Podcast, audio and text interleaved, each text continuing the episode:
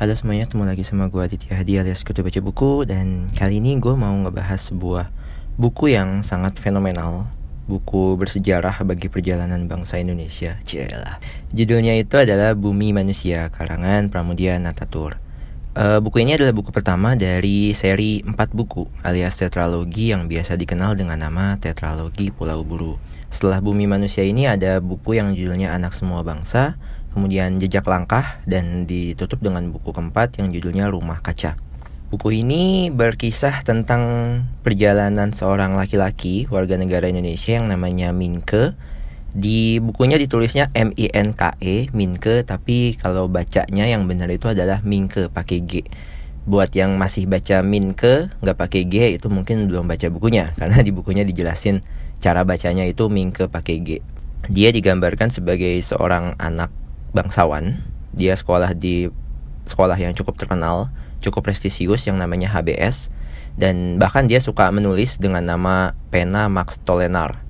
Nah, dari nama penanya udah ketahuan ya kalau mungkin dia tuh emang rada-rada pengen ke barat-baratan, pengen ngikutin arus uh, orang-orang Eropa yang waktu itu lagi menjajah Indonesia.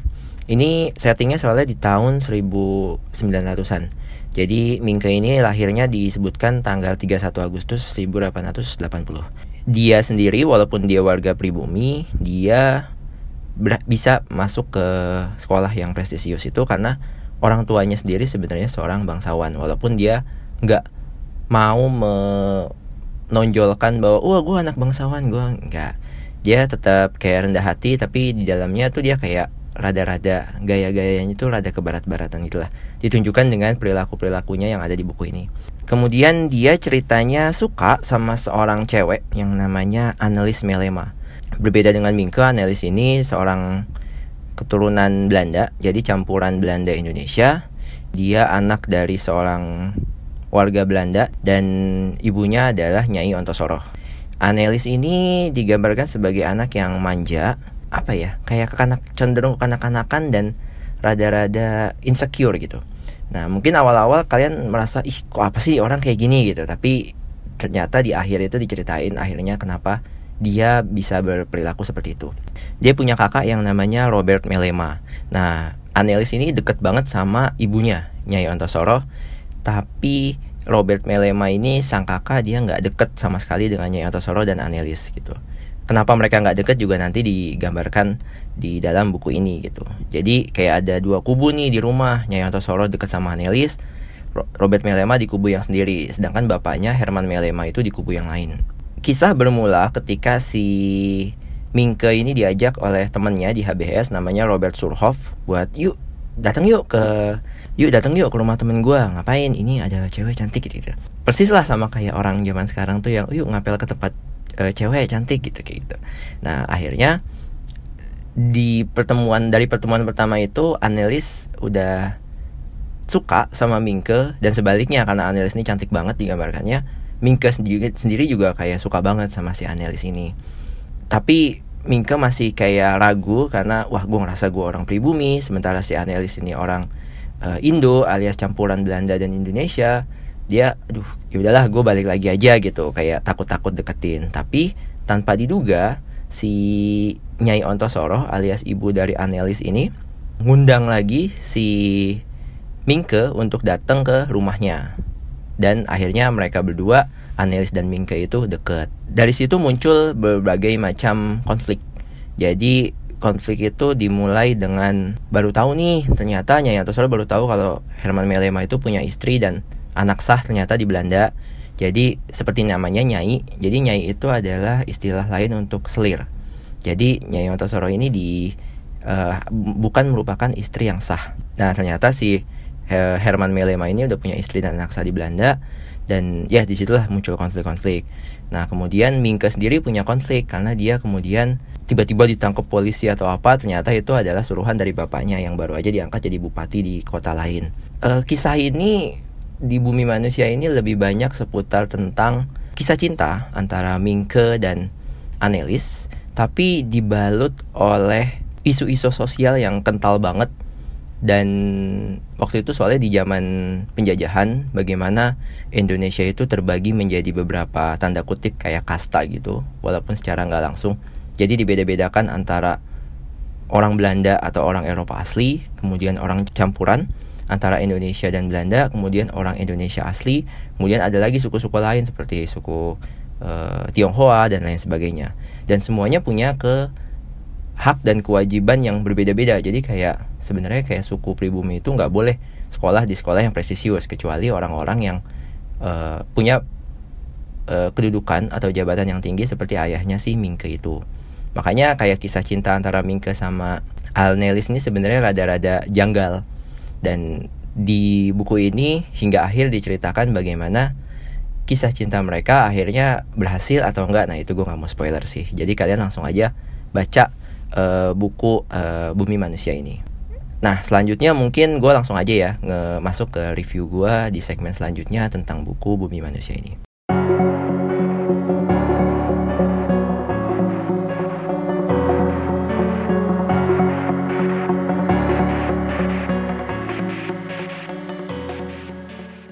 Buku Bumi Manusia ini merupakan buku yang telah mengalami perjalanan yang panjang di kalangan dikarang oleh Pramudia Natatur waktu dia tengah diasingkan oleh pemerintah yang saat itu menjabat di Pulau Guru dan sempat dilarang untuk terbit karena dilarang untuk diedarkan karena isinya yang rada-rada kurang disukai oleh pemerintah pada saat itu.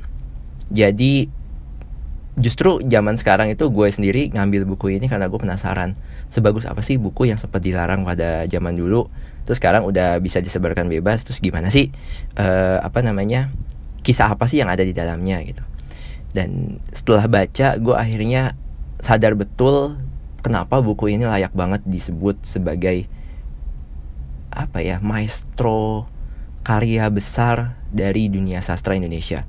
Bahkan kalau kalian tahu buku ini udah diterjemahkan ke banyak banget bahasa, termasuk bahasa Inggris dan di negara-negara kayak Amerika Serikat dan Eropa ini banyak orang-orang yang udah kayak di sekolah-sekolah itu pelajar-pelajarnya pada disuruh baca buku ini. Karena bener-bener buku ini punya nilai sastra yang sangat tinggi lah. Nggak cuma di Indonesia tapi juga di dunia. Dan menurut gue ada beberapa alasan. Gue rangkum ada kayak tiga alasan kenapa buku ini layak banget disebut sebagai karya besar lah dari sastra Indonesia yang dikarang oleh maestro sastra Indonesia uh, Pramudia Natatur. Yang pertama adalah gaya bahasanya yang indah banget.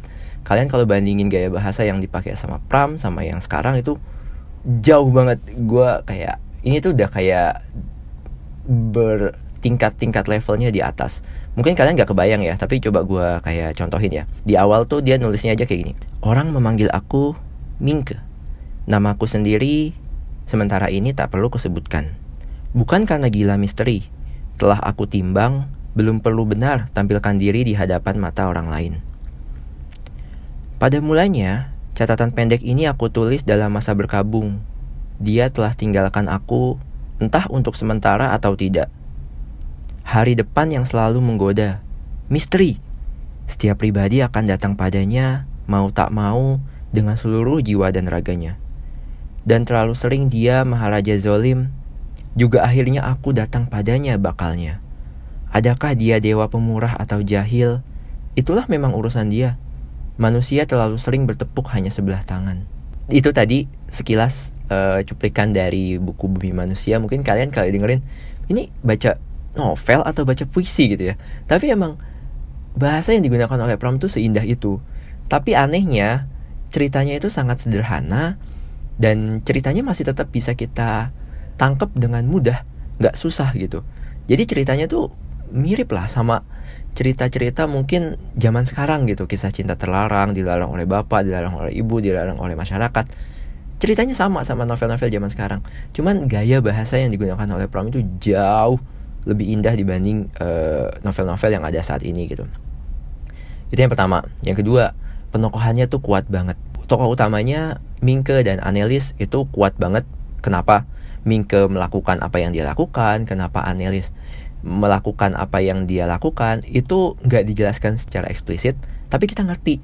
oh Mingke tuh begini karena gini oh analis tuh gini karena gini gitu dan yang paling kuat tokohnya di buku ini menurut gue pribadi adalah ibunya analis yaitu Nyai Ontosoro jadi ada satu bab khusus yang ditulis oleh uh, Pram yang itu menjelaskan kisah dari Nyai Ontosoro itu sendiri menurut gue kalau emang itu kisahnya tuh bisa jadi kayak buku sendiri sih menurut gue jadi Nyai Ontosoro itu ceritanya anak dari seorang juru ketik di Sastrotomo. Nah, tiba-tiba dia lagi di rumah sama bapaknya diajak, ayo pergi, gitu. Diajak pergi, dia nggak tahu nih mau diajak ke mana. Dia disuruh bawa koper, disuruh bawa apa. Ini kita mau pindah atau gimana gitu. Nah, Nyai Ontosoro yang waktu itu masih pakai nama aslinya, yaitu Sanikem, dia ikut ngikutin bapaknya dan ternyata dia setelah dijual oleh bapaknya ke seorang Belanda yang namanya Tuan Besar Kuasa. Waktu itu dia nyebutnya gitu dan ternyata dia ke kemudian baru tahu namanya itu Herman Melema. Dan ternyata di sana dia sudah dibeli dan dijadikan selir alias Nyai. Dan akhirnya dia ganti, uh, diganti namanya jadi Nyai Ontosoro. Nah, di situ Nyai Ontosoro merasa kesel banget kenapa bapak gua kayak gini, gua nggak mau lagi kenal sama dia, gua nggak mau lagi ketemu dia dan lain sebagainya. Tapi kekesalan itu nggak dia lampiaskan dengan apa ya menghukum dirinya sendiri jadi stres atau apa enggak tapi dia justru belajar jadi kelihatan kalau Nyai Antasoro ini punya otak yang cerdas dia menggunakan posisinya sebagai selir dari si Herman Melema ini untuk berhemat. Dia belajar tata krama dia belajar bisnis hingga akhirnya dia mempunyai atau membangun bisnis di belakang nama Herman Melema itu sehingga dia bikin kayak perusahaan plus rumah gitu di Wonokromo yang namanya Bolderich Botenzorg dan dia juga mengajarkan itu kepada anak-anaknya si Robert sama si Annelies jadi benar-benar dia sosok yang benar-benar dari bottom diangkat kemudian jadi selir dan sampai sekarang juga masih dapat cemoohan orang karena dia cuma selir doang bukan istri sah. Tapi dia menggunakan seluruh tekanan itu seluruh hambatan itu seluruh kekesalan yang dia rasakan di dalam hatinya itu untuk menjadi seseorang yang lebih baik. Jadi kekuatan dari mental dari si Nyai Solo ini benar-benar ditonjolkan banget di buku ini. Dan Pram berhasil menunjukkan itu dengan cara yang bagus banget. Dan gue kayak apa ya menurut gue dibanding kisah cintanya cinta kisah cintanya Mingke sama Annelies justru kayak kekuatan si Nyai Solo ini adalah uh, kayak senjata utamanya lah buku ini itu yang kedua jadi yang pertama itu gaya bahasa yang indah kedua penokohan yang kuat dan ketiga adalah isu sosial yang kental. Jadi tadi udah gue jelasin bahwa buku ini menunjukkan bagaimana kesenjangan sosial yang terjadi di zaman penjajahan waktu itu antara kaum pribumi dan kaum Eropa dan kaum peranakan. Kemudian juga ada kesewenang-wenangan dari orang Belanda itu sendiri. Mereka gimana menjajah Indonesia itu dengan cara-cara yang tanda kutip bejat, diskriminatif dan lain sebagainya. Kemudian juga bagaimana sih orang Indonesia tuh berinteraksi dengan orang asing itu seperti apa ada yang ngelawan ada yang deketin ada yang jadi penjilat ada yang oh ya udah melayani mereka kan mereka suka kayak pakai pelacur di sini atau apa malah disediakan dan lain sebagainya dan ya terakhir ya isu sosialnya yang ini mungkin udah kita alami saat ini yaitu kisah cinta yang terlarang kan bisa macam-macam cuman ini beda lah karena ini dibangunnya di zaman dulu di zaman sebelum kemerdekaan Indonesia jadi kisah cinta yang terlarang ini juga mempunyai warna yang berbeda. Itu tiga hal yang menurut gue pas banget kalau buku ini disebut sebagai karya sastra besar di Indonesia. Gaya bahasanya oke okay banget, beda banget sama yang sekarang. Penokohannya kuat banget, Nyai Ontosoro tuh gila banget digambarkan di buku ini. Kemudian isu sosial yang diangkat juga bikin warna-warna baru dari buku ini. Jadi nggak membuat buku ini berbeda dengan buku-buku yang ada. Dan mungkin udah nggak perlu gue sebutin lagi ya kalau di Goodreads gue pasti kasih bintang 5 sih da, da, bintang maksimal kalau bisa 6 6 gitu untuk buku ini dan buku ini nantinya akan difilmkan di sudah diproduksi oleh Falcon Pictures di sutradara oleh Hanung Bramantio dan akan tayang tanggal 15 Agustus 2019 pemeran Mingkenya Iqbal Ramadan yang sebelumnya uh, memainkan Dilan kemudian untuk jadi analisnya Mawar Eva de Jong dan emang mukanya kayak Indo-Indo gitu dan emang dia keturunan Belanda Medan jadi emang cocok banget buat buku uh, buat memerankan Anelis di film uh, Bumi Manusia nanti. Kemudian untuk jadi Nyai Ontosoro, nah ini jadi perhatian banyak orang sih. Jadi Nyai Ontosoro ini akan diperankan oleh Ina Febrianti. Gue lihat trailernya sih, trailernya udah keluar kan, gue lihat di YouTube, lumayan oke okay sih. Tapi jujur kalau ditanya, dit lo akan nonton filmnya atau enggak? Lo akan ada ekspektasi yang besar atau enggak? Gue lebih memilih untuk enggak naruh ekspektasi besar ke filmnya. Karena menurut gue bukunya udah bagus banget, gue nggak mau imajinasi dan apa yang gue pikirkan tentang buku ini tentang karakter Mingke, Anelis dan Nyai Ontosoro itu dirusak oleh karya film yang mungkin kurang dibawa ekspektasi gue. Jadi gue nggak mau netapin ekspektasi gue. Kalau emang nanti orang-orang banyak yang review bagus, baru mungkin gue akan nonton gitu. Tapi kalau orang banyak yang bilang, ih ada yang kurang, ada ah gue mendingan gak nonton tuh kalau gitu. Kenapa begitu? Karena yang bikin jujur aja ya, yang bikin tuh Falcon Pictures dan Falcon Pictures terkenal sebagai uh, produsen film yang mengedepankan promosi dibanding kualitas film. Jadi gue rada-rada ragu hasilnya akan bagus tapi gue juga nggak akan ngelarang kalian kalau kalian mau nonton gitu terutama buat kalian yang belum pernah baca bukunya karena cerita ini tuh bener-bener bagus dan menarik banget dengan hal-hal yang udah gue sebutin tadi terima kasih udah dengerin podcast kali ini. Buat kalian yang mau kasih saran uh, buku apa lagi yang mesti gue review di podcast buku kutu ini langsung aja reach out gue di komentar atau di Instagram at Aditya Hadi, di Twitter at adheet underscore ya, di email aditya.hadi@gmail.com di Facebook juga bisa Aditya Hadi di macam mana-mana cari aja podcast buku kutu oke okay, I think that's all. Thank you for listening. See you in another episode and ciao.